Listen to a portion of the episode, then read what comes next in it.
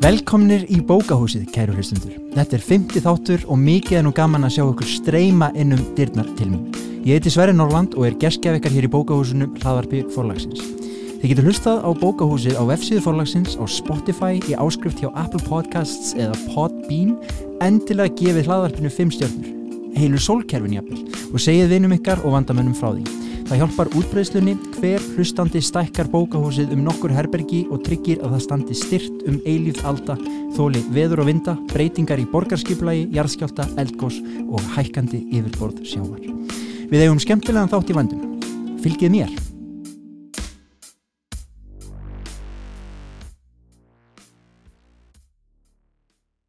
Það er ekki á allra vitorði en hér í bókahúsinu er starfræktur svo kallaður þangatangur eða hugveita, sérfræðingahópur sem á hinnu alþjóðlega tungumáli verslunar, viðskipta og fjöldaframleitrar aftreyingar nefnist Think Tank. Hér setja hugsuður náttmirkran á milli, framtíðarfræðingar, fortíðarfræðingar, núvitundarfræðingar, andataks- og augnabliksfræðingar, sérfræðingar í alþjóðastjórnmálum og flestir eru nokkur ráðviltir á svip enda heimsmyndin flókin og sífælt að flækjast. Mörgum líður eins og sjálf siðmenningin sé að rökkur skorðum, líðræðið reyða til fals, vistkerfin reyða til fals. Hvert stefnum við? Hver erum við? Hér setjum við samsagt og spáum í spilin, veltum fyrir okkur heimsmyndinni í upphafið þriðja áratugar 2001. aldar, við Eiríkur Bergmann, sem var að senda frá sér glænija bók, Þjóðar ávarpið nefnist hún og er umræðubók, hugmyndabók, það sem á tungumáli Shakespeare's, Google, George Eliot, Apple, Virginia Woolf, Facebook eða Meta eins og fyrirtækið heitir vist nú og James Joyce er kallað non-fiction, óskáltað efni. Eiríkur, þú ert að skrifa eða allavega að reyna að skrifa um veröldina eins og hún er frekar en að fylla höfuð á okkur af skálduðum grillum. Takk fyrir það, ekki veitir af og verðtu hjartanlega velkomin í bókahúsið. Takk fyrir það. Eiríkur hefur sendt frá sér fjöldamarka bækur á síðustu tveimur áratugum, fræði bækur á bæði íslensku og ennsku, nýttni skáldsögur. Hér er þó ekki um neitt skáldskap að ræða, þó svo að sumar fíkurutnar í nýju bókinni séu oft æði lígilegar. En þannig er veruleikin hann skákar skáldskapnum og kannski er þetta allt saman skáldskapur, líf okkar hér á jörðinni. En við ættum kannski að byrja á byrjuninni. Hvað er þetta í undirtilli bókarinnar populismi, populísk þjóðernishyggja í hálfa öld? Já, sko populismi er eitt af þessum hugtökum sem að hefur verið mikið tekist á um að undarfötnum árum og áratugum. Og það er til ógurinn öll af skilgreiningum á því hvað þetta fyrirbæri er ef það er þá yfir höfu til. En í kannski svona allra einföldustu mynd er þetta pólitík þess að skilja á milli okkar og hinna. Pólitík okkar gegn hinnum og kannski einhverjum sérilagi pólitík þeirra sem að ala á óta okkar gegn hinnu utanaðkomandi sem að mm. þeir telja okkur trúum að okkur stendi ógn af. Mm. og það sko rugglaður margir þessu hugtæki saman við sko vinnseldahyggju eitthvað þessar mm. og halda þá að, að sko hugtæki vísi til sko popular. En það gerir það raunin ekki, þetta vísa til sko hugtæksins populus. Romanum populus, það er að segja fólkið, innri hópur sem eru við gegn hinnum og það er grunnurinn í, í hugtækinu og populistar verðast oft skjóti upp kollunum einmitt þegar eitthvað í samfélaginu gengur úr skorðum eða er einhver svona óvissu tími eða ekki? Jú, þegar svona einhverju upplausnir eða einhver svona einhverju svona meiri hátar atbyrðir verða Já. að þá skapast rými uh, oft fyrir stundum óprútna aðeila til að stíga inn í tómarúmið og, og taka sviðið og, og kannski misnóta tilfinningar fólks í umrótinu. Já. og þannig að þeir ná gætnan sko flugi uh, í samfélagslegu umróti og segð mér aðeins, þú ert að í þessari bók þjóðar ávarfi, þá ertu raunin að rekja sögum þess sem við köllum populisma, hvað sem það er Já. síðustu svona 50 árin ferður reyndar ennþá aftar, alltaf Já. svona setni heimstyrjöld mm -hmm. og sko og, og þú týnir til svona ábyrrandi ábyrrandi fólk sem hefur nýtt sér þessa, þess, þessa hugmyndafræðirun eða hugmyndafræði, ég veit ekki hvað hvort er maður kallað hugmyndafræði, þessa aðferð kannski frekar Bæði, getur Já. hvort heldur sem er verið hugmyndafræðið eða aðferð Já, og, og þetta er náttúrulega eitthvað sem hefur verið sérstaklega kannski ábyrrandi á allra síðust árum Hvað, og þú er nú lengi verið að hugsa um þetta líka og fástu þetta hvað er það sem hillar þig svona í þessum populísku fígurum?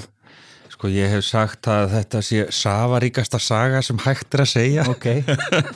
um, ég, já, ég get svo sem bara sagt til söguna því af hverju ég var áhuga á þessu sko þegar að þegar ég er uh, ungu maður upp í Breiðvaldi já.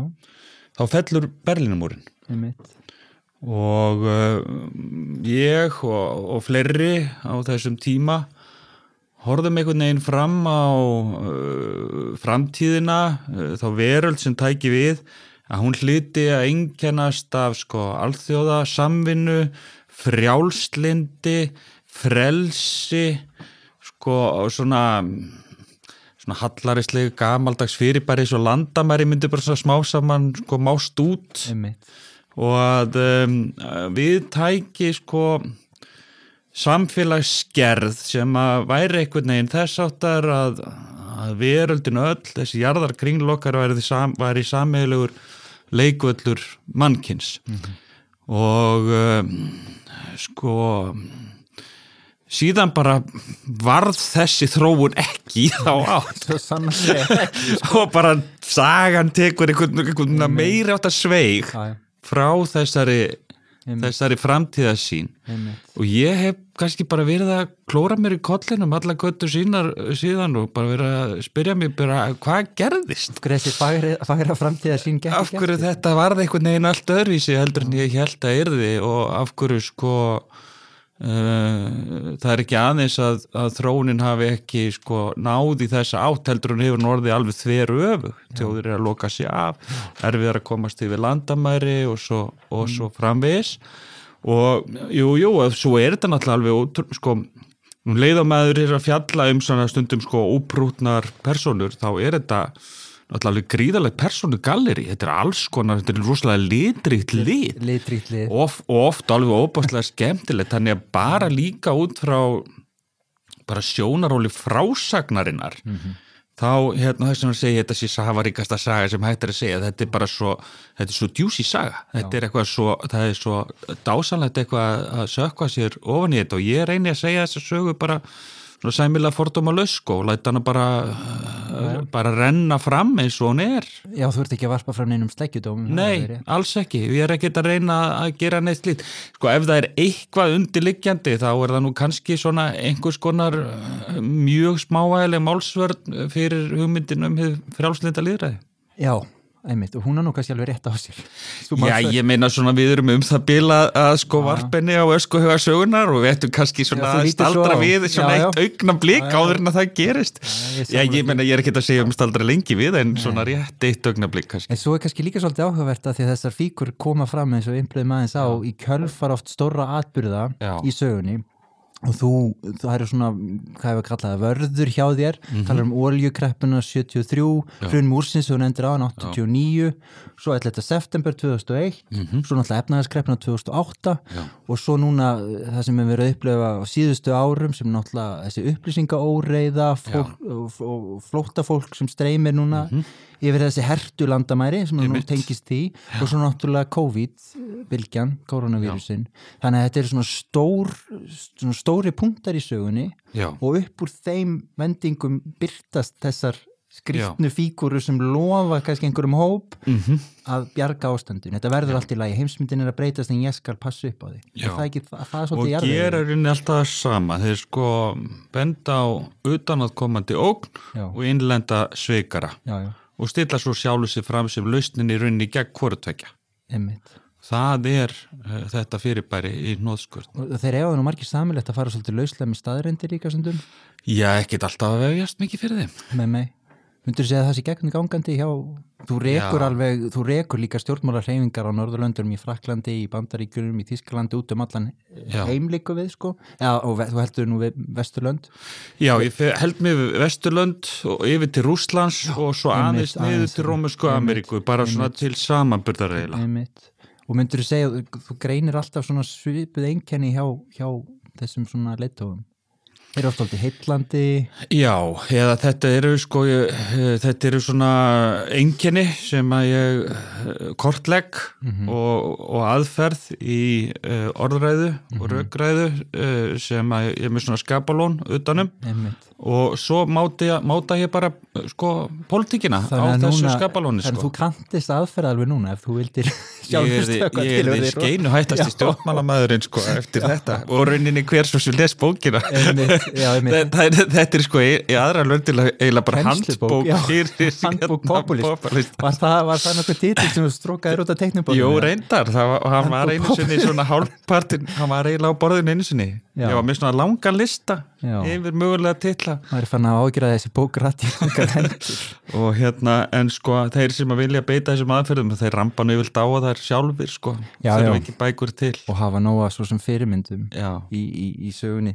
Það er, það er svo sem alveg rétt. Eitt sem ég fannst alltaf skemmtilegt í, í frásögningaður er að þú fléttar aðeins inn svona persónulegum hvað hefur kallaði minningabrótnum bæði núna mjög nýlega sem þú að hópi flótafólk sem er að koma. Og eru til að segja okkur aðeins, aðeins frá því hvernig, hvernig það svona kveikti á einhverju peri hjá þér kannski ja. Já, sko ég sá aðbörður einfallega þannig að ég, þetta var nú bara í byrjun þessa árs. Ég var að svona bara leggja loka hönd á bókina eila Já. og þá hérna, var ég út að skokka bara eins og ég gera hverju mennast á mótni og var að hlaupa í flæðamálunu og það var enþá svona freka dimt og, og og hérna sólinn var að rýsa á sænum, sænum óbáslega friðsælt. Hafði verið óvanalega gert óvanalega mikið veður um nóttina en þarna var róðin alveg, alveg stilt og kyrt og, og ég hef bara eitthvað skokkandi hérna í mínum eigin þöngum og tek ekki alveg eftir uh, umkörunu um, og þegar ég hleyp fram á bara bát og opinn svona trefjaplastbátur sem að lá afvelta í fjörunni stöðum svona og átta mikið á hvað er að, hvað er að gerast en svo, far, svo far, eru þess bara borðnir út líkpokar út úr bátnum mm. fólki í svona kvítum samfestingum ber á milli sín kvíta líkpoka og svo drýf, drýfur hérna öryggislauruglan af Gardia Seville kemur hérna mm. uh, í stríðinströmm og mér er auðvitað bara bandað í burtu og þá sé ég að það er búið að loka svæðinu allt um kring en út af því ég kom skokkandi eftir ströndinni mm. þá einhvern veginn komst ég sko að þessu, að þessu. og auðvitað hann er döð brá og og hérna og það hafði verið vist 47 manns í þessum báti sem ég skil nú ekki alveg hvernig gáttu komist fyrir í svona Nei. litlum báti og ég frétti síðar að að það voru fjórir sem voru látnir og þetta náttúrulega hristu upp í mér ekki bara vegna atbyrðarinn sjálfs heldur í samingi við þessa bók sem að mhm. ég var svona ný, þú veist, hún var alveg tilbúin þannig laga og bara verið að nostra við hana mm -hmm. og þegar hún tengir svo þessi atbyrður sko ástæðan fyrir því að fólki var bjófið þessi örlög er pólitíkin sem ég reki þessari bók, skilur og um, ég hafði nú verið aldrei svona svona að grubla í kollinum á mér til þess að finna einhverja svona leið inn í bókina einhverja svona opnun. Já. og mér sveldi svona ég alveg á þegar ég áttaði mig á því að þarna var komin sko uh, rauninni bara byrjunin, byrjunin. Mm -hmm. þetta var ég bara myndi mm -hmm. pass, smelt passa inn í byrjunina. En ég var mjög, mjög lengi sko feimin við það, mér fannst eins og ég væri að vannverða mm fólkið eitthvað nefn með því að, ný, að sko hagnýta mér uh, örlög þeirra Já, ég upplegaði nú ekki þannig og þú frekar að sína hvernig í veruleikanum Svo hugsaði ég mig gegnum þá komst að því að áhrif á hugmyndafræði smitast bara já. náttúrulega snerta líf svo margra. Svo ég geti sagt þér aðra sögur sko, ég uh, svo sagði líka í þessari bók uh, hérna, ég uppliði svipaðan hlut bara nokkur um árum fyrr. Mm -hmm. þetta hafi verið sömarið 2000 átján og voru við fjölskyldan á, á hérna lunguferðalagi og með eitt af því sem við gerðum við sildum frá Spáni, frá Tarifa Spáni til Tangier í, í Marokko mm. og þar uh, sem sagt þetta er á þegar flótamannakrísan er í rauninni en þá í mm -hmm. en þá tölverðum fórs mikil og það er þarna uh, lögurklubátar út um allt að fylgjast með fólki og það stóðu í napp hópur Afrikumanna um borði í þessum rauðu björgunabátum sem er ekkit annað en bara fanga já, já. bátar sko, þeir eru ekki að bjarga neinum sko, þeir eru að handtaka fólk mm -hmm. og þau stóðu hann í, í, í napp og upp á bryggjunni í, við bátin þá stóðu svona ringur, svona hálfringur af uh, spænsku lauruglumunum með já, rifla sem þeir beindu að ofnum. Gráði fyrir hjálpnum. Já, og dótti mér sem var þá 12 ára sko, að hún bara tárin lágu niður og ég þurfti einhvern veginn að fara að útskýra fyrir henni veröldina. Og þessum er, er eina af kveikjunum að þessari bók mm -hmm. er að þú veist, já, kannski bara reyna að segja þessu mm -hmm. sögu eitthvað þessi bókin En svo komum við aftur uh, þrejum dögum síðar og þá er þetta fólk ennþá já, um borði í bát, sama bát mm -hmm. veist, þetta er brennandi sól mhm. uh, og það er bara að vera að kasta í það, í það á hérna, vatni og samlokum eitthvað svona, út af því það er ekki búið að ganga frá hvað verður um, mhm. um þau og, og, og við bara syklum í gegn mm -hmm. með bara hérna, okkar heiðbláu hérna, vegabref en þetta fólk vekk ekki að koma og maður að reyna að útskýra svona hluti sko. Populistatin ala á ótta við þetta fólk Já.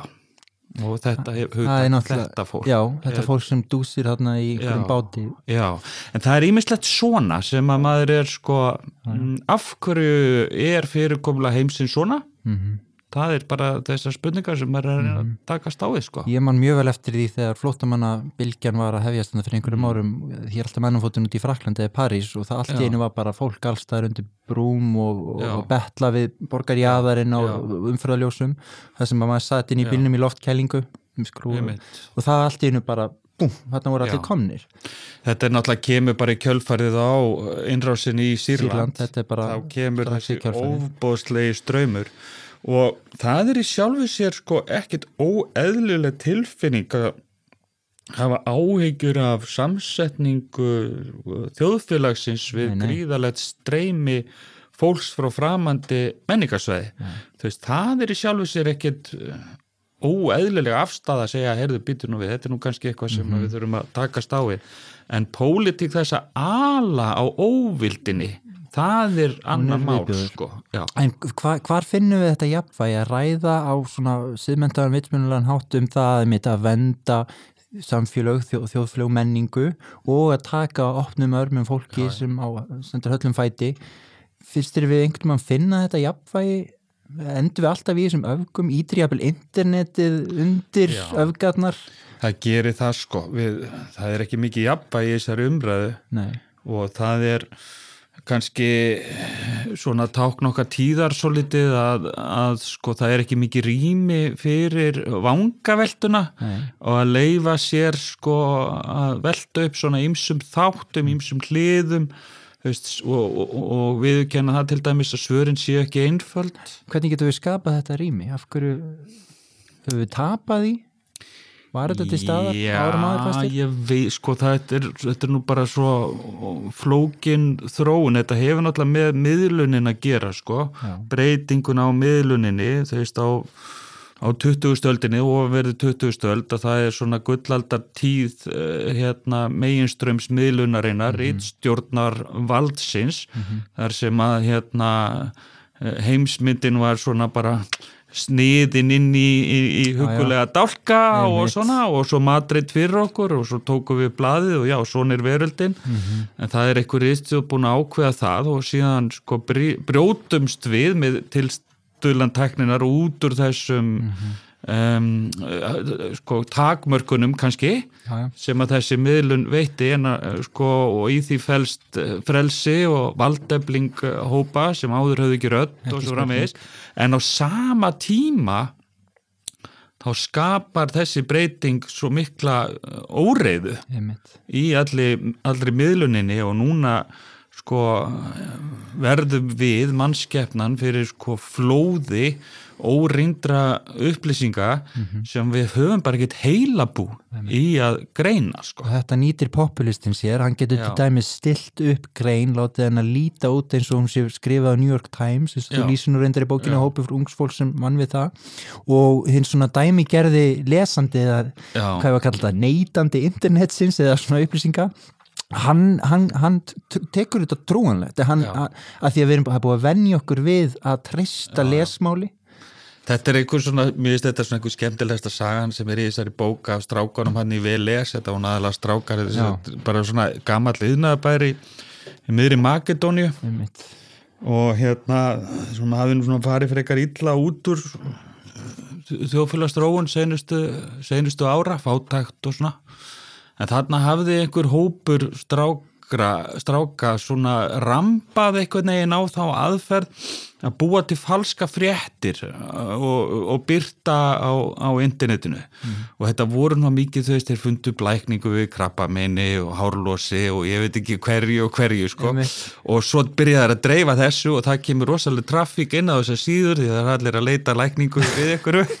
Og þeir búa til eitthvað bull í kringum þetta og ná svo að selja Google-auðlýsingar og eru alltaf skrifandi á ennsku, þeir eru mikið að vinna efni er ensku. bara er að stela þessu Já, efni já, já, hérna og já. þaðan og svo er að breyta þessu eitthvað og svona, já, já, margir er svo fyrir kostningarnar í bandaríkjum 2016, þá einhvern veginn skakklappast þeir inn á þann völl. Mm. og það sem þeir gera er mjög klókt mér og ég þegar ég er að skrifa þetta, þá er ég að skrifa þetta mikið bara með samu með þeim sko, mér veist þetta er alltaf töff hjá þeim sko, Já, já.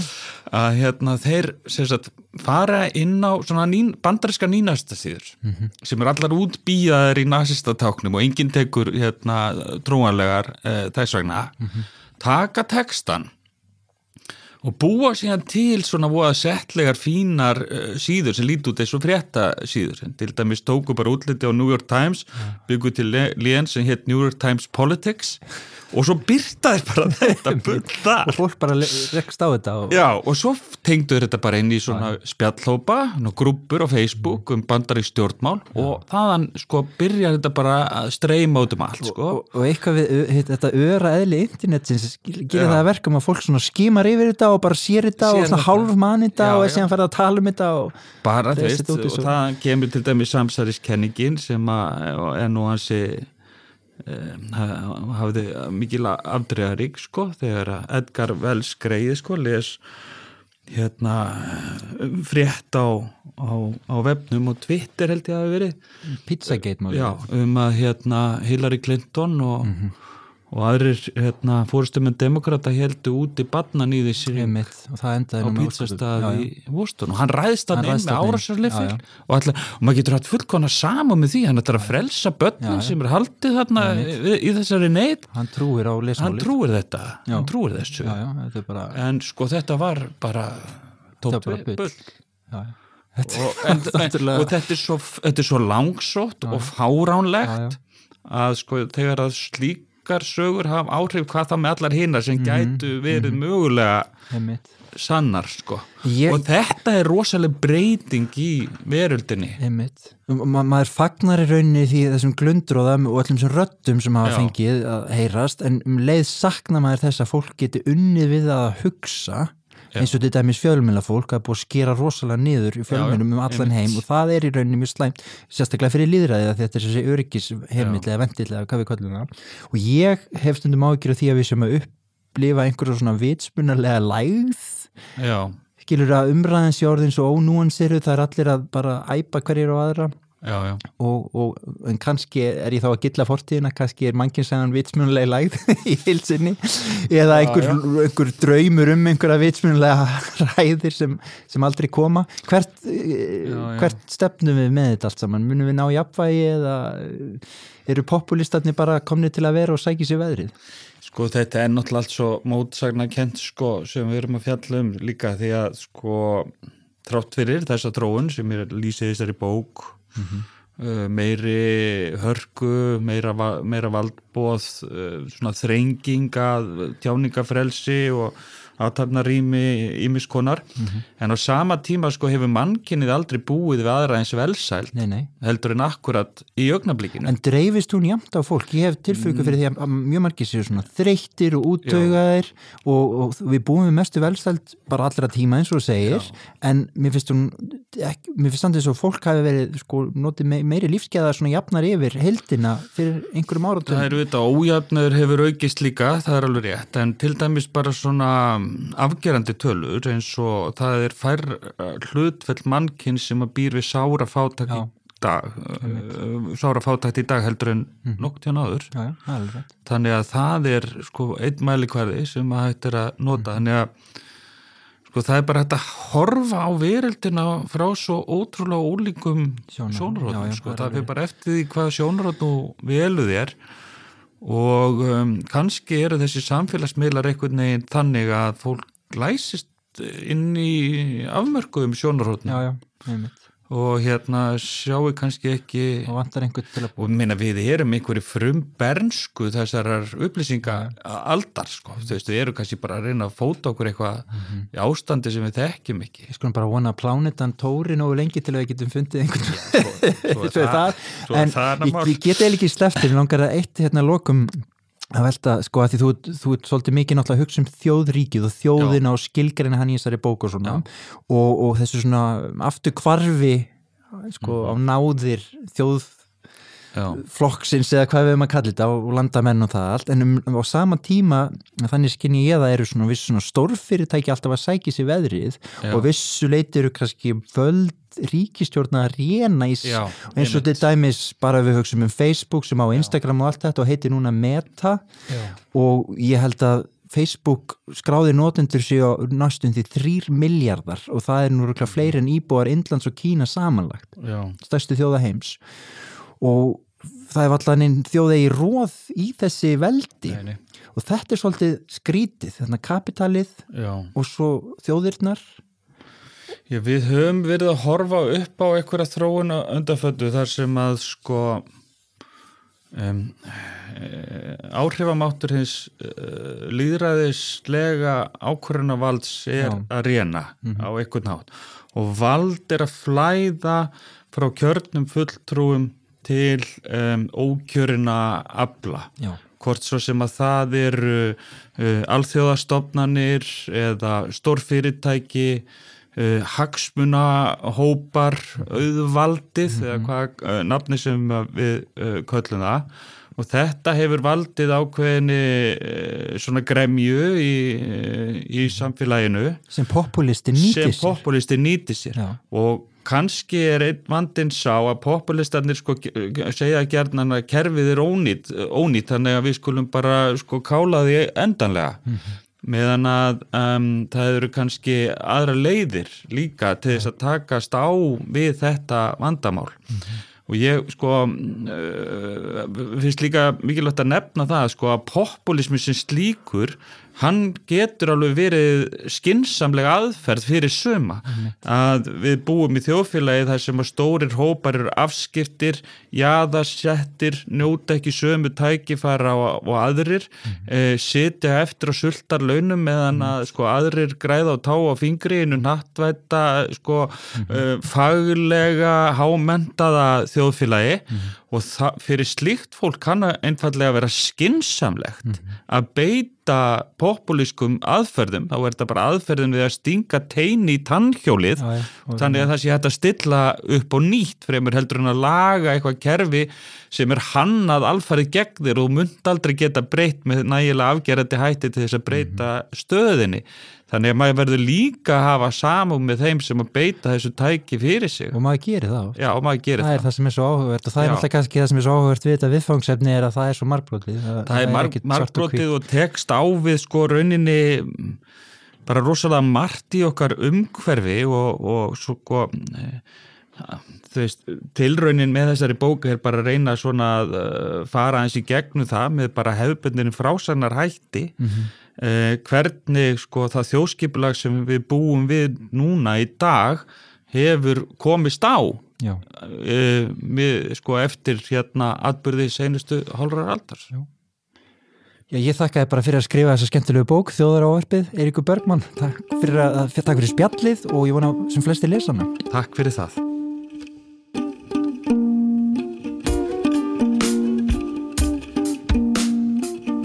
Einn fallegasta barnabókin þetta árið hlýtur að vera Reykjavík barnana tímaflakk um höfuborgin okkar eftir það er Margreti Tryggvadóttur og Lindu Ólafsdóttur. Verðið velkomnar hinga í bókahúsið til mín. Takk fyrir. Takk fyrir. Þið voru að gefa út hérna ykkar annað samstagsverkefni, er það ekki rétt hjá mér? Er þetta ekki hérna því Íslandsbók barnana, hún kom út 2016? Jú, passar. Tíminn líður, Já. tíminn flýgur frá okkur. Og núna var að koma út önnur bók af Svipuðum toga, Reykjavík barnana, sem þú Linda myndskritir, líka svona afskaplega fallega og þú Margret skrifar hérna textan. Hvernig, hvernig verður svona bók til? hvar hefst þetta? Hefst þetta með tekstanum, myndunum, vinniði náið saman? Sko, þessi bók hefst á samstarfinu um hinnabókina. Já. Í hinnabókinni þá voru við hérna Uh, að vinna, þess að ég ætlaði að gera allt öðru sér bók og ætlaði að hafa ljósmyndir og eitthvað svona og hérna var að vinna hana fyrir hrun og nátt að koma út 2009 en það ár voru ekki já, já, það, var, það ár voru ekki gefnar út barnabækur í lit út af brennkostnaði og hrunna krónuna já, þannig að hérna hún frestast og ég lendi inn á þingi og svo þegar ég fór að dusta ríkið af þessu aftur að það langaði mig ekkert að gera þá bók og mér langaði að gera öðru sér bók? og með að mm. teiknaða myndir í stæðan fyrir ljósmyndir Já. og ég eiginlega bara mátti velja hvern við byrjuðum á að tala við Já. og ég gerði svona fór að skoða einhverja sem voru að teikna á þeim tíma og ég var rosalega spennt fyrir Lindu og ég þekkti hann ekki neitt en hérna ég var svo spennt einhvern veginn að því hún hafði ekkert verið að teikna Ísland, hún var að læra í útlöndum mm -hmm. og mhm. það sem ég sá var eitthvað annað þannig að mér fannst hún komið eitthvað rosalega ferst inn í þetta. Já, eitthvað svona, svona sjónarhóttna aðeins að Já, líka ég hugsaði bara að þú veist, uh, þeir sem hafa verið að tekna Ísland, þú veist, þeir fara strax fyrir börn, þeir fara strax í sterkulitina og eitthvað neginn allt en ég hugsaði bara hún, myndi, hún þarf að finna upp á og, en við áttum mjög gott samstarf þar en það var allt öðruvísi því að ég var náttúrulega klár með textan þegar Linda byrjaði. Já, já. og hérna við kynntum svona þegar eiginlega bókin var þú veist að verða til. En með þessa þá var þetta svolítið öðruvísi því að okkur langaði að gera eitthvað meira saman. Þannig að við mótum þetta verkefni strax í upphafið saman. Já. þannig að hérna, samstarfið var miklu dýnamiskara í þetta skiptið? Já, og bókin, þessi bókin líka miklu flóknari Þú, hún er, sko, við erum að taka hana sögulega vingil líka mm -hmm. og meðan að hitt var svona thematíst og við skiptum bókinni upp hérna í myndum eftir ástíðunum, þannig hún, hún flætti gegnum eitt ári í, í ástíðum mm -hmm.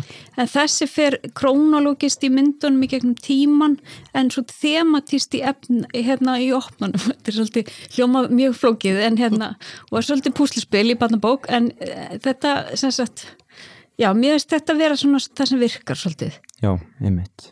Það er ótrúlega, sko, yfir hérna, myndinu svífur líka einhver svona óskaplega hlýlegur blær og, og þarna stundið þegar maður hugsaðar, sko, ég er ekkert vissum að það hefur verið óbúslega notalegt á öldum áður endilega að búa í Reykjavík, hugsaðar svolítið vond líkt mhm. stundum mm -hmm. og bara náttúrulega erfitt á Íslandi, hér á öldum áður. En, en þú nærði einhvern veginn að feta svolítið svona fína línu á milli þess að manni líður vel í teikningunum en svo eru þau líka að fjalla um til dæmis að fjalla um bara holræsakerfi í Reykjavík og svona íms og svona hluti. Og, og það kemur hérna fyrir sko síðasti dauðadómurinn draugagangur. Það er svona margt skemmtilegt sem þið drægið inn í þetta. En út í gegn er þessi svona manni líður vel í þessari bók. Mm -hmm.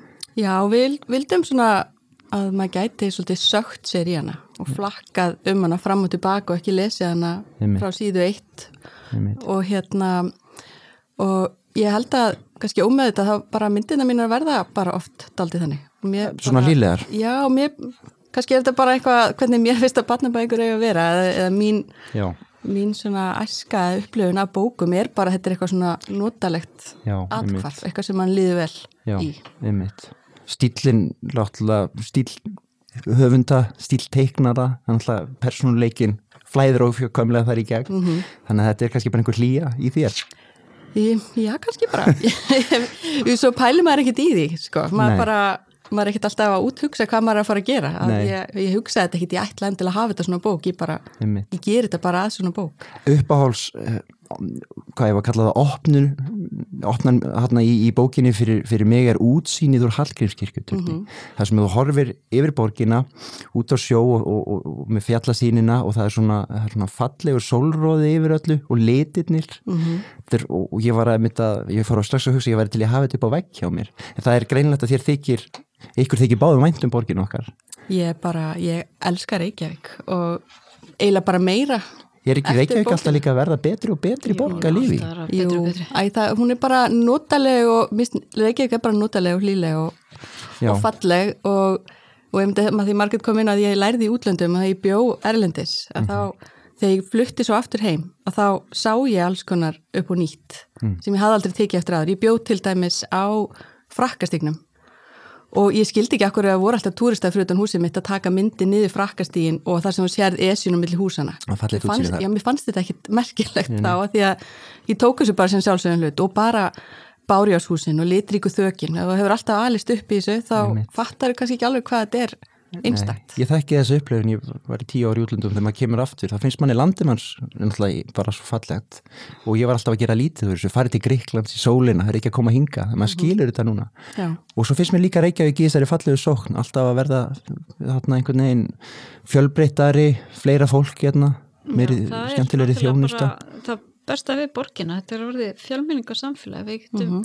við höfum bara svo mikla fjölbreytni og breytt og hérna Mhm. og mér veist bara svo mörg hverfi, þessi bók við, við reyndum rosalega mikið að tegja alla þessa, þú veist, í öll hverfi og gerum það með því að til dæmis að þú veist, við erum með kort yfir alla grunnskóla og, og svo leiðis, en hérna eðlilega að því að við erum byrjum sko bara í upphafinu að þá erum við rosalega mikið í miðbæðasvæðinu Já. en eh, þú veist, það eru bara ótrúlega flott hverfi hérna í Reykjavík út um allt Já, og hérna flott mannlíf sem að fjölbreytt en þekktustu kennileitin byggingarnar eru náttúrulega svolítið Það miðsvæðis. eru svolítið misvæðis, jú, þetta skampaði vissa erfiðleika. í saga náttúrulega eins og Já. byrjunin á bókinni þetta er náttúrulega allt svolítið á sama blettinum en Já. við höfum okkur alveg allavega við að reyna að sína já öll hverfin, það er listi yfir skólana og, og myndið að hann allir geta fundið skólan sinn og, og hverfið sitt Já, þannig að allir krakka geti einhvern veginn sko fundið að þetta sé þeirra.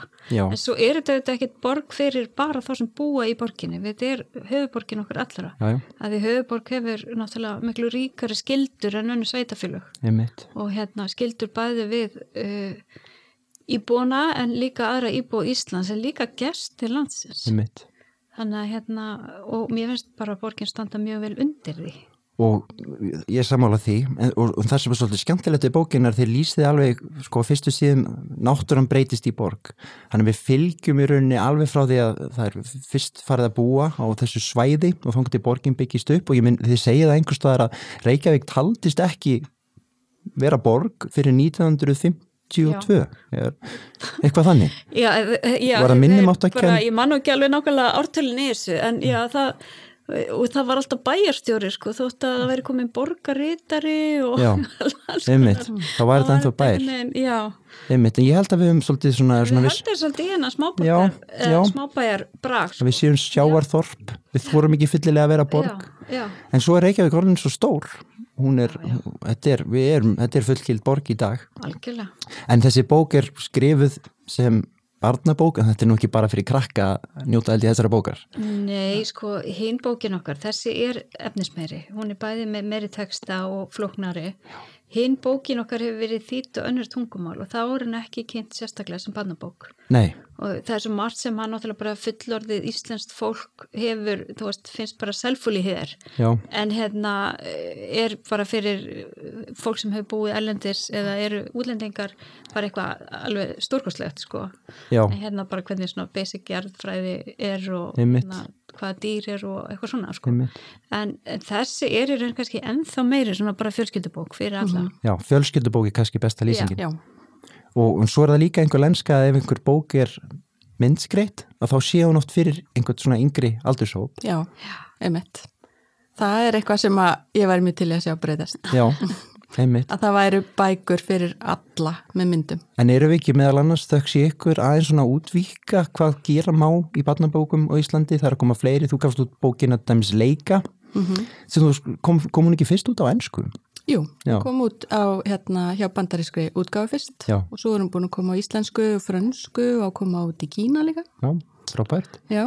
Og, og það er til dæmis svona, þessar svona, sko fyrsta legi svona þessar svona stuttu minnskreittu bækur og, og svo er líka núna Ránflýr og Gunnar Helgarsson er að gera drottningin sem kunni allt nema mm -hmm. og það er, mér fannst einhvern veginn stundum vanta í svona íslensku barnabókaflóruna þessar svona stuttu nýttmiðu bækur sem eru listaverki sjálfum sér með fallegum myndum stuttur í nýttmiðar í sögum lengi vel þá var þetta svona lengri textabækur með kannski myndskreitingum á jafnvel hverju opnu, annari hverju opnu, þrýðju mhm. hverju mm -hmm. það er eins og svona starf, það eru svona fleiri og fleiri teiknarar til dæmis þú Linda sem eru svona verða meira og meira ábyrrandi og mér finnst ég sjá rosalega jákvæða þróun hvað þetta snertir. Já, mér finnst mikil gróska í myndlýsingum og, og myndhöfundar hafa svolítið verið að taka sér saman líka uh, eru með svona teiknara samtök og eru bara þess að mm -hmm. bara berjast fyrir hérna bara virðingu fyrir fæinu og sé bara sínilegra og sé kannski styrkir líka til að taka þátt í að, að myndlýsa fleiri bækur sko. Já það kostar nefnilega að myndlýsa bækur mm -hmm. hvað þá að prenta er í lit. Ég fekk eiginlega stingi hjartan, þú sagðir hérna áðan Margret, hvað var það, 2009 var Já. árið þessum að allar barnabæku voru svartkvíta það er bara, svo sori að þetta er mjög þetta, sko, og þess vegna hérna var þessari bókminni sem átt að koma þar út í, eða, já, við ætlum að gefa nút þarna voru 2009 Já, en svo frestaði þetta mörg, mörg ár? Já, svo var, fór ég náttúrulega bara að gera annað sko, en hérna Virkistafleið, já, virkistafleið þetta er bannbúkoni Já, en já, já, þannig að en svo, þú veist það er reyndar mjög fyndið að því að ég hefði hugsað að þannig að þetta væri svona ferðabók fyrir krakka fyrst já. og var þess að með ljósmyndum og ég var búin að fara út um all land og taka myndir sko. Já, og svo á, áttu krakkarnir svona að merkja við hvert þú voru búin að fara. Og svo svona einhvern veginn eftir hrunni því var sko þetta, þá segja bara þessi bók getur verið sko gefin út af bensinstöð það rjúka um all landið og veginn. þannig að þá fór ég að hugsa þetta allt öðruvís bara, þú veist, þú þart ekki til að fara um allt Ísland til að vita hvað um Ísland Nei, börnin eru kannski bara stressuð að ná ekki að komast á alla staðin komast á hérna okay. einhver staðar á vestfjörðum eða eitthvað. Já, en svo, svo skrifaður líka þessa fínu bókum Kjarval. Já. hún kom út hvað, 2019? 2019, já, já.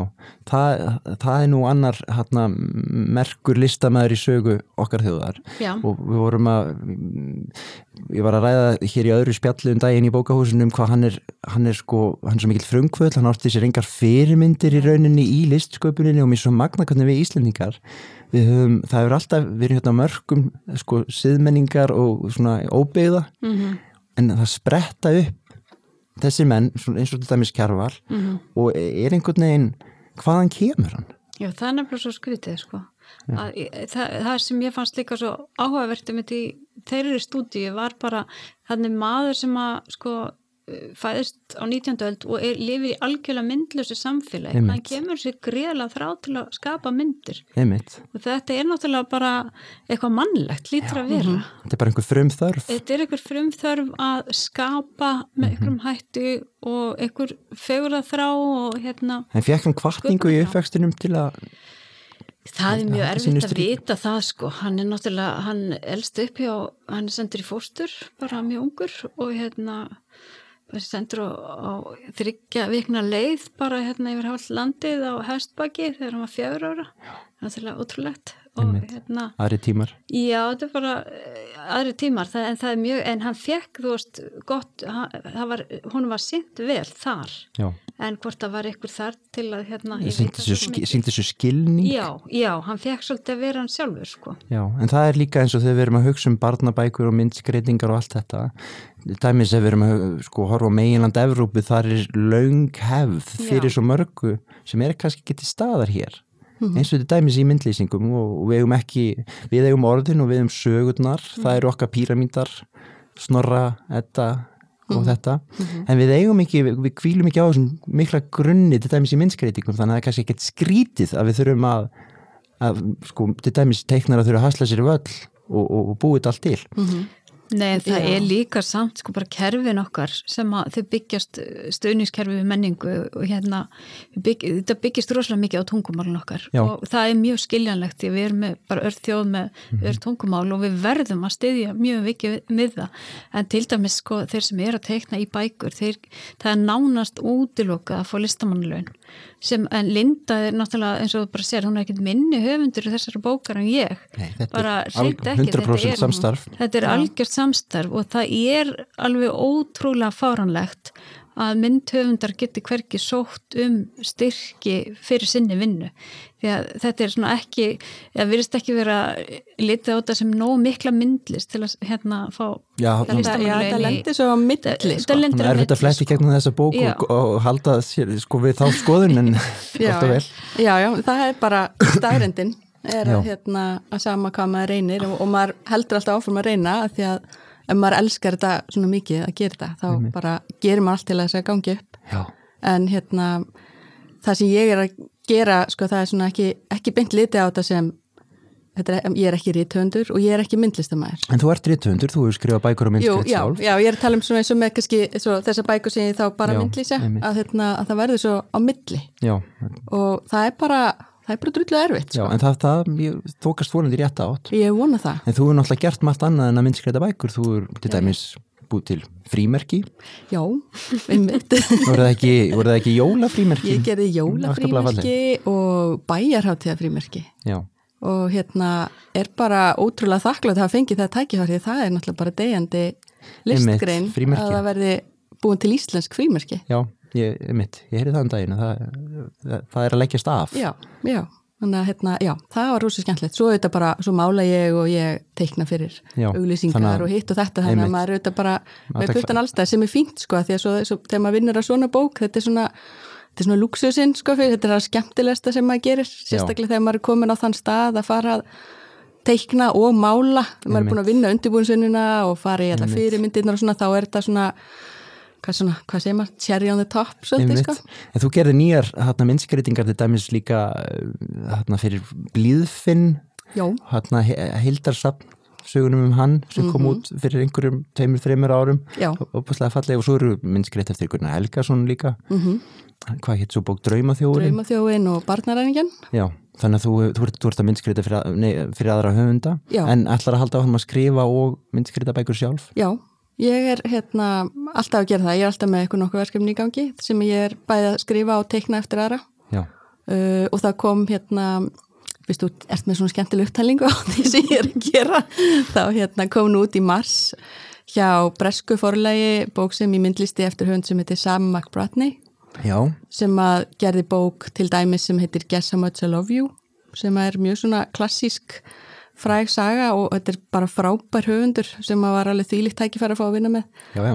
þannig að hérna, það er svona það næsta sem ég gerði undan þessu. Já, þannig að þú ert að minnskriða bæka fyrir utan Ísland líka. Já, ég, já, ég læriði úti og sá bara mjög fljótlega að til þess að geta gert þetta að mínum ferli mm -hmm. að ég væri bara að teikna. Og jú, ég kenni náttúrulega líka sem að mér er frábært að gera svona með fram þessu að þá yrði ég að fá að gera verkefni mm. úti líka. En hvernig kemur þér áfram sem teiknari ertu með umbóðsmann? Já, ég er með umbóðsmann í bandaríkjunum og svo hef ég farið svona við og við í svona New York ferðir, milli útgafa, hitta artir eftir að hérna, legg mér mikið fram við að finna tölupóstana hjá fólki og, og fá fundi með þeim og, og hérna reyna bara að selja það sem ég er að gera. Er erfitt að finna netfangi hjá, hjá þessu fólki? Já, Já. það er nefnilega mjög erfitt sko og maður má ekki gefast upp sko, það því að hérna það er ekkit mál að finna nöfnin hjá þessum artirektorum eða editorum en hérna netfungin er eitthvað annað sko. þannig að það sem að það er að gera er að þú ferði segjum svo þetta sé bara hjá Penguin. Já. að þá ferðu á vefsíðina hjá Penguin. Og, og þú finnur netfung hjá einhverjum. Já. hvað sem hann er, er húsvörður eða hvað sko. og þú finnur þessa samsetningu. Það er fyrsta nafn, punktur, eftirnafn at Penguin. Eða er það fyrsti stafur, punktur, eftirnafn at Penguin. Eða er engin punktur eða er bara eftirnafnið Þetta kalla maður hérna, metnað og ábyrði maður má bara ekki gefast upp sko. þannig þegar ég, sko, þegar ég fekk fyrsta alvöru teikniverkefni mitt Erlendi sem að var til þess að ég fekk umbósmann og bara Já. startaði mínum ferli Já. að þá var ég að hérna, voru fjóra tilrunir að finna netfang hjá artdirektor hjá Sterling Publishing Já. og hann bánsaði alltaf tilbaka pósturinn og ég var við það að gefast upp að ég var ekki að finna réttu samsetninguna svo allt í hennu bánsaði hann ekki tilbaka ég fæ fundin með konunni uh -huh. og við náum svona vel saman að hún gaf mér fjórubókasamning þannig ef ég hefði hætt að reyna hmm. þá hefði þetta ekki gæst En er þetta ekki lýsandi fyrir líf listamannsins og réttvöndar þess að það er þrjóskan ef þú byrðið ekki yfir þessari miklu miklu þrjósku þá er mm. fyrsta lagi til þess að klára hlutina Já. og líka alltaf að koma sér áfram það er kannski nummer 1, 2 og 3 uppskriftinni Þrjóska og þú, bara, og þú verður að elska þetta. Já. Að, að Það er ekki held að það eigi, sko, eigi við alla listamenn hvort sem eru höfundar eða myndlistamenn eða annars konar listamenn að það er þetta bara að get ekki hætt, hætt lífsköllun. Já þetta er eitthvað, eitthvað svolítið sko. það er hérna skrítin bölfun svo, blensun svo má líka segja, svo maður búin að grafa sér svo djúpt að maður getur ekki hætt nei, nei, núna, sko. nei, nei, einmitt, einmitt og hérna, en, en þetta er ekki eina bókin sem þú ert að gefa út núna Margrét, hérna í ár. Þú fjast hérna barnabóka verðlaun Guðrunar Helgadóttur fyrir skáldsögu sem heitir Sterk og flestir myndu sennilega mm, sko stimpla sem ungmennabók í dag sem er mjög mikilvægur flokkur á íslensku en kannski okkur hefur aðeins skort fleiri bækur fyrir þannig aldursóp. skort fleiri bækur og líka betra orð. Þetta er ekki alveg ná, þetta er svona hljómar eins og háttíðaræði á 17. júni eða eitthvað. En ekki svona, þetta er hérna ungmenni, þetta er svolítið svona viðreynislegt orðskrýpið þegar maður notum mikið, en þessi bók er, já, þetta er neila svolítið, ég ætlaði ná ekkert eins og að senda þetta inn í þessa keppna því ég hugsaði hana ekki sem barnabók, ég hugsaði hana sem svona samblend að tveimur bókmdækurinnum sem er annars vegar sko Norræna glæpasagan. Já, þetta er svona spennusaga mitt. Já, þetta er spennusaga og svo sem sagt ungmennabókin og mér fannst þetta svolítið spennandi blanda, þetta er, ég les svolítið bara sérstaklega ungmennabókum ég er bara mjög mikið áhuga á þessu formi Já. og ég, sko ungmennabókin er einstaklingssaga og þetta er sem sagt fyrir ung manneska í einhverjum aðstæðum hún er að díla við það mm. og mér er svolítið spennandi að blanda því sama við norrænu glæparsöguna þar sem þú ert alltaf að horfa á samfélagslega vandamál Einmitt. og hérna þannig að hvernig þú veist þessi einstaklingskrísa og þar ertu náttúrulega mjög oft með eitthvað svona drikkvelda löggu mm. það, ég, já, ég á óperur já, emitt, og eitthvað svona og er alltaf bara einn og eitthvað og ég skipti drikkveldu löggun út fyrir sagt, mm. Ungmenni í smá til, tilvistakreppu hún kona sem heitir Birta, Birta. Og hún kemur út úr skáttnum sem transmanniskja og verðist svolítið eins og fjölskylda vinir eitthvað bakland snúi baki við henni. Hún er alltaf komin hérna til höfuborgarinnar til, og býr þar í hérna, íbúð með öðru fólki sem hún tekir hún er svona að hérna uh, hún er svona að finna út úr sínum málum og, og skapa sér nýja tilveru og -hmm. staðsettir sig á meðan svolítið á jæðrinu hún, hún hérna leigir herbyggi með fólki sem hún þekkir ekki og, og hérna mm -hmm. fyrst, hún er náttúrulega svolítið eins og transfólk sem er ekki búið að hérna gangi gegnum e, sína leðrættingu og mm til dæmis láta skrá nýtt nafn og þá ertu svolítið utan kerfist og heitir einu nafn en svo í kerfinu ertu að eitthvað öðru kyni Já. og öðru nafni þannig að hún er í, á þeim stað og hérna uh, þannig að mér fannst, já jáðarinn er náttúrulega alltaf hérna spennandi svæði mm -hmm. því hann er utan hérna laga og svona samfélagslegra marka mm -hmm. og þar getur allt gerst og þetta er óbúslega áhugavert náttúrulega þart viðfangsefni að skrifa því að þetta er það sem skáltsaðan náttúrulega gerir. Já, já, já. Þegar ég skrifa um einstakling þá getur þú hleyft öðrum já. inn í, aðri geta sett í þessi spór. Umvitt. Þú segir einhverstaðar sko að hún á hérna, blær er önnur person í bókinni og Birta segir sko að blær eh, sé einn sem hérna, getur skilið hana mm -hmm. og, sem, og, og, og það hefur engin og sko og vita hvernig það er að lifa í raungu kyni mm -hmm og bara það að lesa þessar línur og, og, og fara þannig inn í þangagang einhver sem er að upplifa þetta ég held að það sé opaslega holdt fyrir mitt Já, lesendur á öllum aldri að, sko. að prófa prófa, er það ekki það sem skáldskapurinn hjálpar okkur að gera? Jú, jú, það er náttúrulega, fyrir mér sko, skáldskapur, þú veist, það er svona þetta er bara svona tæk, eða þú veist meina, þú getur farið inn í alla heima og mm -hmm. upplifa samleiðin með fólki sem þú hittir annars aldrei mm -hmm. og mér finnst líka sko, við erum svo fá að skrifa barnabækur á Íslandi, við erum bara svo fá Einmitt. og okkar ábyrð er svo mikil Einmitt. og það skiptir svo rosalega miklu máli að allir finni sig, öll börn finni sig finni lesefni við sitt hæfi líka. já, bæði við sitt hæfi og finni sig og sinn veruleg já, og sjá húnum líst og ég, þú veist, við, við eigum engar bækur á íslensku fyrir ungmenni eða hérna krakka ungmenni um transfólk nema þessa. Og þú veist, ég held að við eigum í raun að vera ekki eins og bók á íslensku fyrir börna ungmenni. Þar sem að sko strákar kissast mm -hmm. sem er bara frekar, við hefum nokkra sem stelpur kissast sem eru bara hverstagslu viðbyrður þú veist, í tímanum en þú veist, eh, hvernig er það að vera strákur sem kissir annan strák og finna sér hverki í dægurmenningu nema bara kannski sem eitthvað mm -hmm. eitthvað svona skrítið? Já, nefnitt þetta er bara vennilegt fólk. Svo, Þetta er mjög þarta, en svo er annað líka sem er hérna, mér finnst bara nokkur ríkulegt úrval af bókum fyrir krakka þannig að verða 12, 13, 14 Já. ára en svo þegar lífið verður floknara eins og þessi dæmis út að nefna, þá kemur þarna tímabil 14 upp í 20 eitthvað ára það sem að það koma kannski hvað allir komum út margar ungmennabækur ári, tíu? Þetta fyrir náttúrulega svolítið eftir Já, hvernig þetta er talið sko. Já. og hvað er flokkað? En þú veist, já, meina þýðingar og uh, innlendar, veist, þetta er oft í bókatíðandum kannski eitthvað tíu bækur. En þarna getur við verið að glata lesendum líka Þarna og, er við að glata og, og, og líka að missa þau yfir í ennskuna Yfir í ennskuna og þess vegna er svo mikilvægt að leggja rætt við þetta Já, og svo finnst mér líka sko bókabúðina þurfa að standa sér betur því að þær eru til dæmis ekki veist, bóki bara 9-2-3 ára svo bara henni hend út mm -hmm. en þú veist, um, eitthvað sem er 13 ára hann, þú veist, misti kannski alveg að eitthvað bók sem kom út þegar hann var 10 ára sem á alveg ennþá erindi mm -hmm. og það er eitthvað, svo er þetta oft svona innst í barnabóka deildin er þannig að þú veist ungmenni, hvaða ungmenni með sjálfsverðingu hérna fyrir að vaða þarna einhverjar buslubækur ja. til að finna lesenni fyrir sig -hmm. þú veist, í staðin fyrir að hafa þetta nær, þú veist, fantasíunum mm -hmm. og hérna, Já. og öðru að þetta eru í þessu sko Uh, bókum fyrir þennan aldur oft svona mjög sterk afþreyingar element mm -hmm. og bara í hérna einum ennskumælindi heimi að það eru þessar bækur sem við höfum kallað ungmennabækur, young adult, þetta er lesið öllum aldri. Já, já. Það er nefnilega eiginlega sko Þetta er líka svo, söguheitin er ofta á svo áhugaverðum stað og því hún er þróskasaga og hún er að fullornast sko. og þetta er auðvitað eitthvað sem við eigum bara alveg hundru ára mm -hmm. hérna mm -hmm. uh, bókmyndarsögu, það er hérna þú veist þróska saga eh, eins, já, verðin er sunga eða þú veist, hvað sem er. Svo nefndir það að mér er svolítið áhverð líka bara með skáldsveðin þetta er svo sko, einstaklingurinn sem bara hugmynd verður svolítið til samlega kannski skáldsögunni. Já, hún var þannig og, og það er, er fjalla fyrðulega oft skáldsögur um e, e, einstæðing eða einhvern sem, einhver sem er einn sem er að leita að einhverju. Mm -hmm.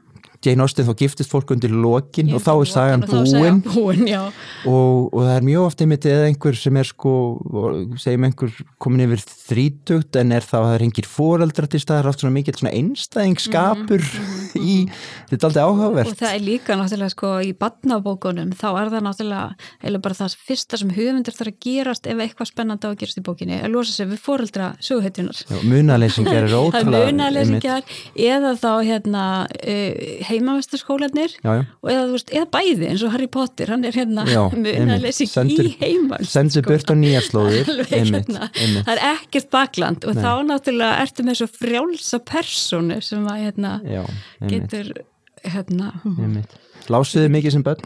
Lásuðu mikið Linda? Já, ég las svolítið mikið Já, Já. Og, en ég, ég held ég lesi minna núna samt eins, eins farlegt að það er sko. ég les, las mjög mikið og las rosalega mikið hérna sum bækunar aftur og aftur þegar ég var krakki. Hvaða bækur voru það til dæmis? það voru alls konar bækur. Ég las hérna uh, Astrid Lindgren sem bara alveg endalöst mm -hmm. uh, hérna. Hún er einna snillingum 20. já, já. Alveg, og hérna maður horfir svo, yfir afkustin hjá hún og alla títlana það er ótrúlegt að líra svo líka því hún byrjaði ekkert snemma sko Ó, þótt ekki að segja mér, ég ætla ekki. Nei, ég meina hún var orðin þú veist, þegar Lína Lónsson kemur út þegar hún er, þú veist, orðin bara, hmm. já, þú veist hún er 30 eitthvað, skilur eitthvað já. hún byrjar ekki átjánara Nei, nei, en, þú veist. En, hérna um, já, svo las ég bara alveg rosalega mikið hérna sem unglingur, þá emitt las ég svona aftur og aftur, eins og til dæmis dýragarspörnin, ég las það örgulega trilljón sinnum, sko, já. og hérna uh, já, það eru alls konar svona bækur. Svona, ég átti rosalega góða æsku og rosalega góða foreldra og það var ekkert að heima hjá mér. Þannig ég sótti svolítið í svona eind annars og ég held að þetta svona kannski, þú veist, sér svolítið þetta, mm. að vera í bókum að þetta sé ekki bara hérna, þú veist, þetta er þarna var svolítið lífið sko, Já. að ég hafði það svo gott að mér að það var svo ljómandi bara hérna Já að upplifa eind annar En er þetta ekki svona svolítið lestra nautnin einmitt að sko, upplifa sterkar tilfinningar að vera í örugu skjóli? Já, vera Jú, í örugu skjóli fara í einhvern annan heim Já. í örugu skjóli. Ég man alveg eftir einum sko aðfangadegi þegar ég var svona á hátindi gelginar og bara fannst allt glata og nefndi ekki að taka þátt í neinu. Þá las ég allan daginn svona, svona, svona morð svona sönn sagamál. Muni, þetta var ekki svona tímaritum. þetta, þetta var alvöru, alveg brútalt út. Já, fólk sækir mikið Já, bara á aðfangadag. Mjög notalegt. Eimtu volaði og sko. blóðsutellingar á aðfangadag sko. Svo hérna, ég les rosa mikið líka bara ástarsögur hmm. Þannig til að maður fór að sjá var fann að læra var alltaf eins. Sá formúluna. Já, já, já Já, já. En, já, þetta er alltaf sama formúlan sem gengur út í gegnum alltaf En ég, hérna, er, ég ólst upp í árbænum og við vinkonunnar fórum alltaf upp í gerðverk mm -hmm. það var ekki bókasefni í árbænum okay. og þetta, ég á bara svo góða minningar að fara á bókasefni sko. ekki síður heldur en að taka eitthvað á bókasafni bókasafni er yndislega staðir. Já, og bara fá pening fyrir hérna, snúð veist, og hérna þá kostiði snúðurinn 69 krónir já, ég maður það svo vel sko. Þarna, en, en þið voru að segja þannig að sko, vissulega er líftími bóka og útstillingaborðum náttúrulega stuttur í dag í, í mhm, bókabúðum. mm -hmm. en, en í þetta með bókabú fólarsins út af fiskislóð þar er mikið úrval á gamlum bókum, þar eru það nefn þá já, og á bókasöfnum þess að bækur eru ekkert hortnar Nei, og svo sér maður það líka með hérna yknum hljóðboka útgáfu að þá eru bækur sem að kannski átt ekki breyki jólabókaflóðinu til dæmis fyrstu bækur höfunda mm -hmm. en slása í gegn hérna, sem hljóðbækur eitthvað, eitthvað ansetna þannig að já þetta þú veist En, en hafið þið hugsað út í það að því að hann, hann Sindri hljóðbókari forlagsins var hér í spjalli hjá mér. Og, og ég tek eftir því ég er búin að vera að fara í grunnskóla að kenna krökkum að segja sögur. Mm -hmm. og mjög oft eru þeir búin að vera að hlusta á bækur. Eitt sagðist að hafa hlusta á Harry Potter 12 sinnum og þeir eru mikið, krakkar eru byrjað að hlusta mikið á bækur. Mm -hmm. og það er frábært. En þeir þurfa náttúrulega líka að lesa þær sjálfur og, já, já. og þessi, ég heyri snundum að fólki fara að segja, sko tala um sko sögnin að lesa líka farin að því að hlusta en að lesa er náttúrulega mhm. einhver svona er að lesa hvernig, hvernig eru, eru krakkar eru þau uggandi yfir þessu? Um, nei, ég er ekki uggandi yfir þessu Þeir... ég er sjálf hérna, mikill hljóðboka manneskja Já. og það er algjör viðbót við annan lestur ég er samanlegaður og hérna uh, lögumál menninganislu eru öðruvísi en önnur markaslögumál ef þið, ef þú, ef þið vantar bakboka og þú finnur eitthvað brjálæslega góðan bakboka þá þýðir það að þú hættir að leita bakbokum mm -hmm. en ef þú ferði þú veist, lest eitthvað ofsalega góða bók eða ferði í leikús, hefur kannski mm -hmm. ekki mhm. farið í leikús í tíu ár, fyrir að frábæra síningu finnst það geggjað, Já. þá ertu líkleri til að fara sagt, aftur í leikús mm -hmm, eða fara út í búð og fylla bakbókun á bókum. Á bókum, nákvæmlega. Já, og þannig að hérna, jákvæð menningarneisla eh, hún hvetur til meirin eh, hérna, menningarneisla ég held að ég meir þetta er bara rannsakað. Og þetta er bara svona. Á meðan að önnu neisla þá ertu með neislunni eða kaupum að fyllna einhverju þörf mm og svo er það bara búið. Uh, því, því ánaður er sem þú ert með kaupin því ólíklega ertu til men, meiri neslu á því sviði. Já. en með menninganeslu er þetta bara akkurat öfugt og það er svona, ég held að, að hljóðbækur hafi hérna, komið mörgum sem voru hættir að lesa eða hafa aldrei lesið aftur á bræðið, og, ég, og sko ég held að, hérna, að þetta sé viðbót við markaðinn en það þýðir náttúrulega ekki að við höfundar eigum að gefa eftir okkar réttindi og fá tíkall fyrir hvern upplestur sko. Alls ekki. En, en við þurfum að fá sangirna sneið af kökunni mm -hmm. en við eigum líka að fagna hljóðbóka útgafi. Ég held það og ég held að þessi gaman að krakkar sér að hlusta svona mikið og ég tek líka eftir því þegar ég fyrir skóla og ég sem sögur með krakkunum mm -hmm. eftir að ég svona kennaði maður hvernig ég gera það og þeir eru svo áhuga sem þeir finnst það svo skemmtilegt og þeir hafa svo mikið áhuga á sögum eins og við gerum öll já, já. og það er svo gaman að, að, að, að virkja og til að gera það og, og stór hluti að því að lesa og hlusta sögur en náttúrulega líka síðan að öðlast áhuga á því að byrja sjálfur að spinna upp sögur Akkurat. það er svo mikilvægt Mm. eins og nefndir á hana þessi sögur og nærum hverfi krakkana og þeir átti sig á því við getum sagt sögur af okkar lífi og allt þetta Mhm. þannig ég held ég er alveg samanlegaður að bara að, að, að þetta ítir allt undir allt sem gerir bókina miðlægari í samfélaginu er jákvægt Ég held líka að þetta sé gríðarlega mikilvægt fyrir tungumálið að við séum að fá núna inn hljóðbækur fyrir alla, ekki bara þá sem að uh, hafa aðgang á hljóðbækursafninu á íslensku. mm Það sé gríðarlega mikilvægt og þarna höfum við bara verið bara langt á eftir öðrum þjóðum. Og hérna einhverja hluta vegna sennilega bara því við erum svo fá og þetta er dýrt. já, já, já, það er er auðvitað það eins og ástæða fyrir öllu sem afla fyrir í þessu landi. En hérna allavega, já það, þú veist að allir finnir sig í bókunum og það er kannski þess að það líka sem við vorum að gera bókum höfuborgina Já, hérna, En er ekki í sig hjá okkur að við erum bjart, bjart sín fyrir framtíðinni? Og, jú, og jú, það, það, það er ekkit annað í bóði sko. Nei, það þýðir ekkit annað. og eru þið, komnar, komnar á stað með næstu bækur? Um, ekki saman, við erum báðar alltaf að kokka eitthvað sko, en hérna við vinnum rosalega vel saman. Það var, þetta var alveg erfitt að gera þessu bók og tók langan tíma að gera Reykjavík barnana en frábærlega skemmtilegt og við erum með hérna messenger þráð sem eru margir kílómetrar og, hérna, og myndir og fyrirmyndir og alltaf að grúska saman og finna og hérna ég myndi svo margir sæði ykkur viðtali hvað sér við hérna ég man það ekki. Æ, þú sagðir, hérna við æsum upp metnaðin í hverjum já, við gerum það Já, og, ok, það er hérna, og það er bara, við viljum Já. bara fyrst við erum að þessu Mhm. að Já, það gera þetta bara að nú Reykjavík barnana ber það með sér er- hún er náttúrulega bara heimsmæli hvarða, eh, sko útlitslega sem prentgripur, teikningarnar það er líka og það, Það er ekki svo- sjálfgefið. Svo, gott hjá, þú veist, að fá forlægi með þetta og hérna, þau eru, veist, þau eru alveg bara til í það, þú veist, Alex sem að hanna þetta, ég minna við bara, þú veist, hún bara fekk að liggja yfir svo nostra við engin þetta. afsláttur Og þú veist, það er búið að færa til að koma textanum og þú veist, þannig að það er endalist verið að færa ykkur svín í þessar bók, sko. Já, Já. Og, og fullt. einhverja skauta dansara og kalla og kellingar og Já, verð nú að koma eða hvað er indislegt að vinna með henni Alex hjá fórleginu Já, og einmitt- náttúrulega líka. og Sigþröði auðvitað líka, það eru bara dásamlegt teimi til að vinna með sko. gaman að hérna, hvað, þau eru líka tilbúin að taka Já. vel utanum þetta og þú veist, pappirinn, þetta er sama umbrot og var á Íslandsbókinni og sami pappir sem var sérvalinn og hérna myndirnar njóta sín sérstaklega vel. Já, það væri ekkert gaman að þetta væri okkur svona ódýr og lítirnir þurfa að skila Já. sér og allt það. Já, þannig að þetta var alveg lagt í þetta alveg 100% Margrét- blúðsvit og tár.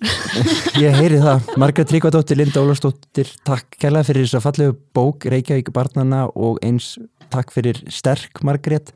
Ég vona náttúrulega sem allra flestir lesi þessar bækur, klukkan er að vera svolítið margt, ég þarf að fara að drífa mig heim ég þarf að fara að lesa fyrir börnin mín.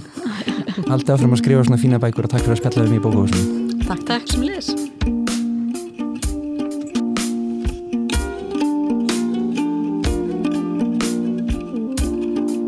Það krefst hugrekkis að gefa út bækur og að vinna í bókabransunum. Af hverju segi ég það?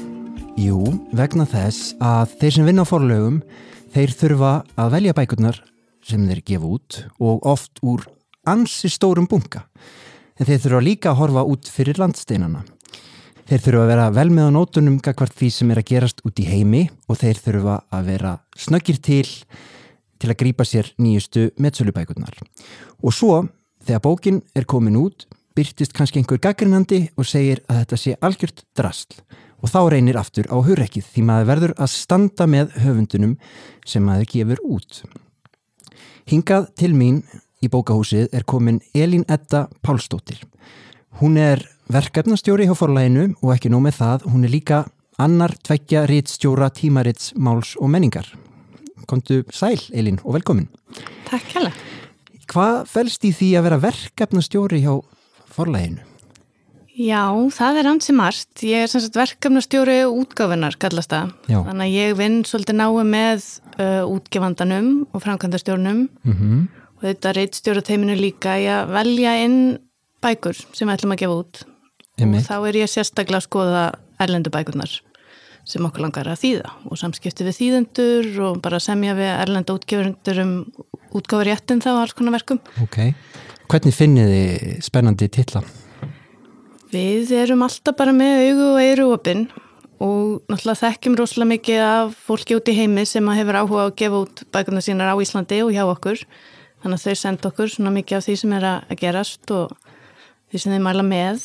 Það er bæðið þá agendar og útgáfur sjálfar sem sett út í löndum. Já, þannig að innhólfið hjá okkur er kannski fullt af postum. Sjáðu þessa frábæra bók sem var að koma út á hverjum degi. Ég fæ svolítið mikið að svolítið postum á hverjum degi og svo snýst það bara um að já, finna svolítið hvað hendar okkur. Náttúrulega til alveg fullt af frábærum bókum þarna út í heimi en ekkert endal allt sem hendar til útgáfu á Íslandi. Nei.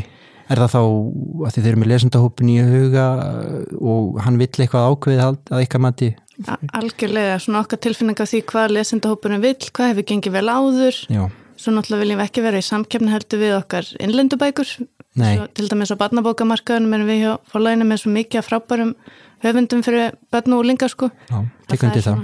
Svolítið erfitt að svona, ég fæl að koma inn með þýtabæku sem hefur fann einhverja samkeppni við þær sko, það er bara svo opaslega margt gott að gerast hjá okkur. En eru þau kannski stundum að reyna að fylla upp í gloppur, það er kannski höfundar fórlagsins er ekki að skrifa svona bók eða svona og þá finnir það erlenda höfunda sem, sem gera það? Það má alveg lítið á það svo lis, það er til dæmis fullt af, já náttúrulega við hefum fullt af góðum krimahöfundum í Íslandi en það er bara opaslega mikið gott frambúða þeim líka í Skandinavíu og, og, og náttúrulega allstaðar erlendi sko. Einmitt. Þannig við reynum að bjóða lesendur svolítið fjölbreytni hvað það verða sko mm -hmm. og líka svolítið svona afþreyingar bækur skemmtilegar Já. sem eru svona notalega við sundlega bakkan og svolítið það er ekki það algengt í íslenskum höfundum að skrifa svolítið bækur þó að koma alveg fyrir sko Já, ís íslenskar höfundar eru svo, svo miklu flögi og, og, og vilja, já Þeir flokkast oftast sem svona litterar í höfunda kannski í þessum erlendu katalógum og svolítið það já. er ofta, oftar þannig hérna bækur sem frá okkur Það er svolítið áhugavert af hverju, af hverju heldur að það er allir að sanna að þeir séu mikil skáld? Ég held þetta sé, þurfi ekki að vera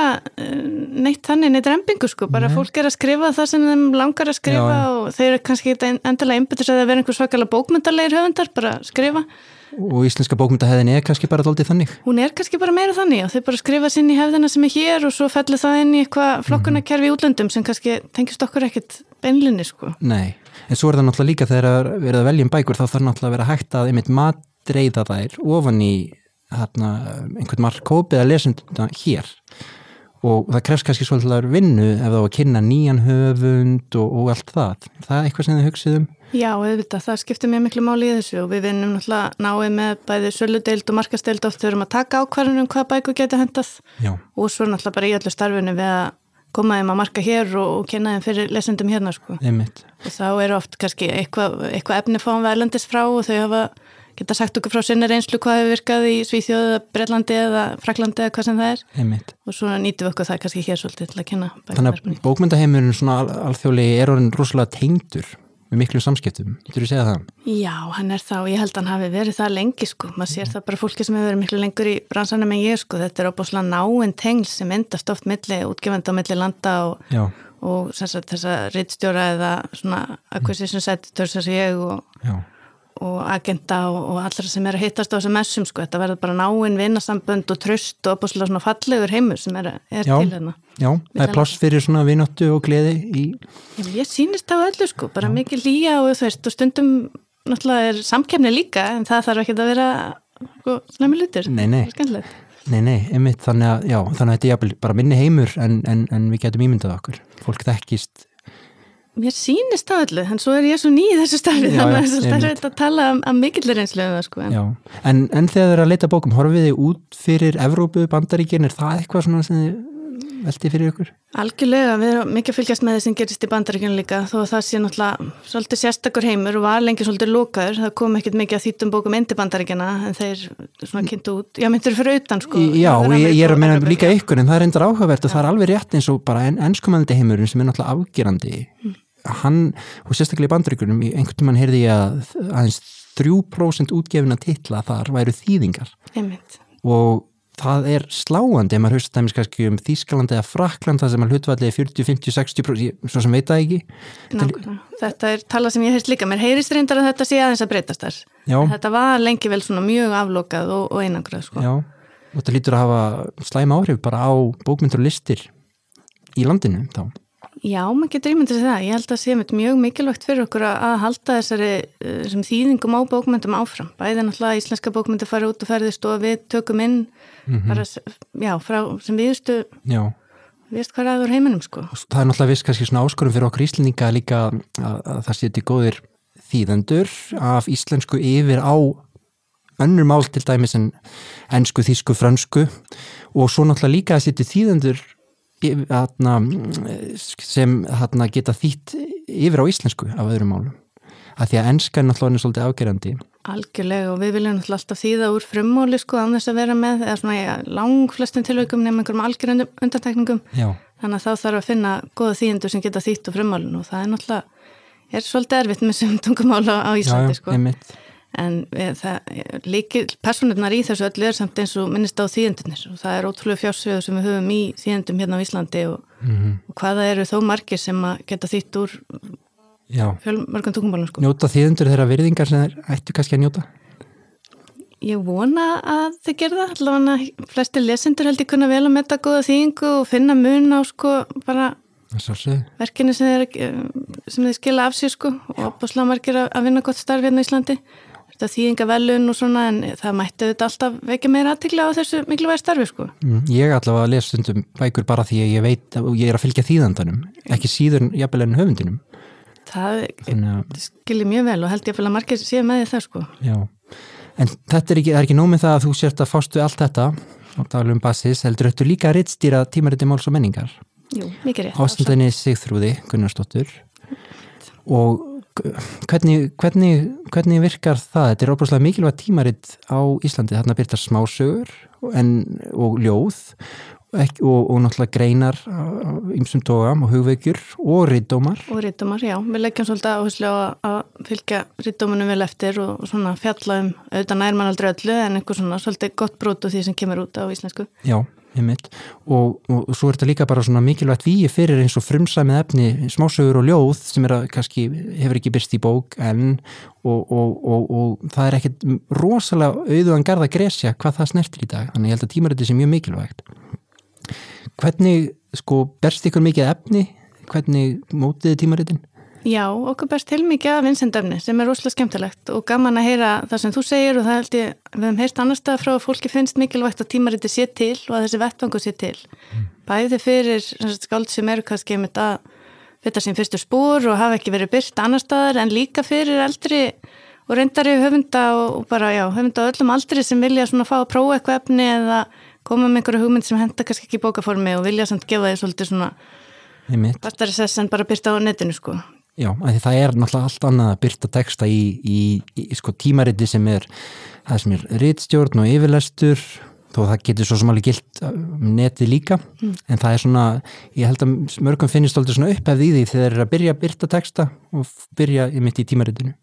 Já, ég vona það. Og við viljum endilega hvetja fólk til að halda áfram að senda okkur efni. Við fáum alveg fullt af frábæru efni og veljum bara svolítið úr því stundum eftir því hvort að sé eitthvað þema sem við erum hugsa okkur að ræða saman í heftin en það á, þarf ekkit endilega að vera sko, svo bara tökum við inn Og svo fáið einhvern veginn að forsiðu yfirleitið það ekki? Jú, Já. oftast búum við til okkur einn kápu eða jáfnvel stundum reynda að hafa þannig að einhverja þegar íslenskir rithundar og skáld og myndlistmenn er oft svo fjölhæfi sko þannig að það er stundum bæði skáld og myndlistamæður sem verður að byrta þá kápu og vera með texta í hættinu og svo já, svona reyna að finna kannski kápu eða kápu höfund sem getur svona gert kápu eitthvað stíl við efni eða þema sem við höfum. Og hvað kemur tímarætti oft út á ári? Fjórunsinnum ári. Fjórun sinnum. Já. Já. og það hefur gert það eiginlega bara frá upphafi sko, í þessu rúm 80 ár sem það hefur til. Stundum einhver þrjú hefti eða eitthvað svolítið en bara núna síðust ári alltaf fjör hefti ári. Alltaf fjör hefti ári, já, ég kvelli stundur að sjósuð til að vera áskurður að tímaröndi máls og menningar ekki annað hægt. Takk fyrir það, ég tek undir það, hendilega fyrir ná tmm.is, það er hægt að skrá sig áskust og þarna, en já, það er gaman að spjalla við þig og fá aðeins svona e, insinn í þennan heimim hvernig þið veljið bækurnar.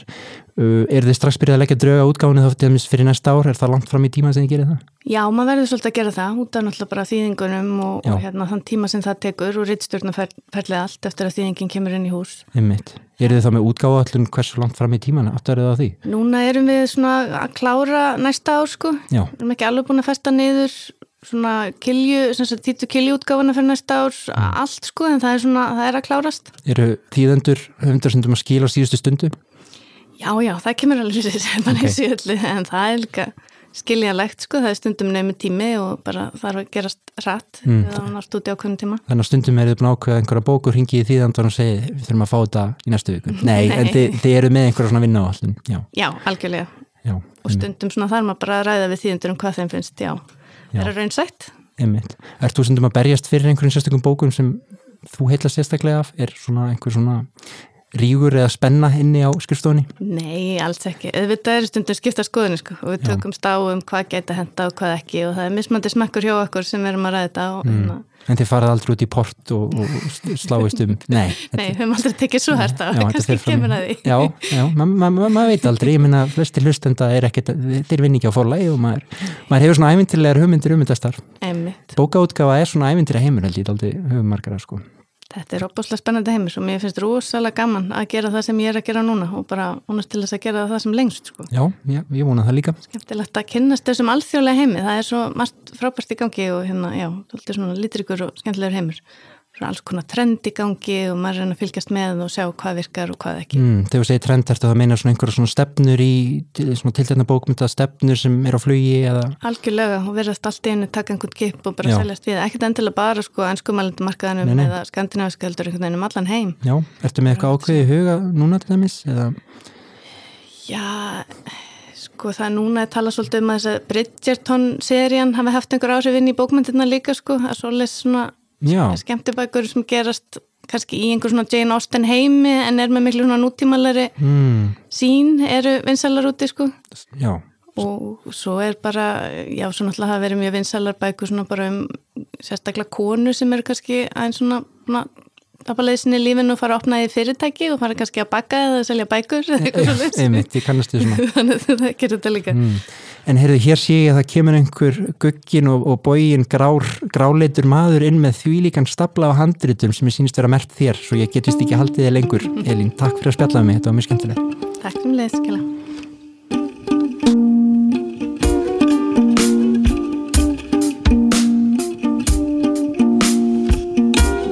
Svo mörg voru þau orð kæru hlustundur, það er komið að leiðarlokum. Vonandi stýði endur nærð út úr bókahúsinu, tilbúin að takast á við áskoranir hverstagsins. Gestir mínir í bókahúsinu voru að þessu sinni Eiríkur Bergmann sem rappaði við mig um nýja bók sína Þjóðar ávarfið, Linda Ólafstóttir teiknari og listakonna fram í Fingurgóma og Margret Tryggvadóttir Rittvöndur en þær sendu nýlega frá sér hið fallega samvinnuverkefni Reykjavík barnana auk þess sem Margret gaf fyrr á árinu út ungmennabókina Sterk. Loks rætti Elín Edda Pálsdóttir, verkefnastjóri hjá forlæginu, við mig um þau mörgu horn sem hún hefur í að líta á kontortnum. Ég þakkaði möllum hjartanlega fyrir spjallið. Heiðurinn af tónlistinni í bókahúsinu eiga hinnir laghendu ljúfleikspiltar sem mynda tví eigið Urmull og Kraðag þeir Ragnar Jón Ragnarsson, einnig þettur sem Humi og Helgi Eilsson. Upptökum stýrði hinn Ljónum líki Egil Viðarsson. Upptökur fóru fram í stúdíó Harmi. Sjálfur heiti ég Sverri Norland og er leiðsögumadur ykkar og gestgjafi hér um töfra veröld bókahúsins. Ég hlakka til að vera með ykkur á nýjan leik í næstu viku. Tánka til, farið vel með ykkur, farið vel með fólkið í líf ykkar og lesið bækur. Verðið sæl.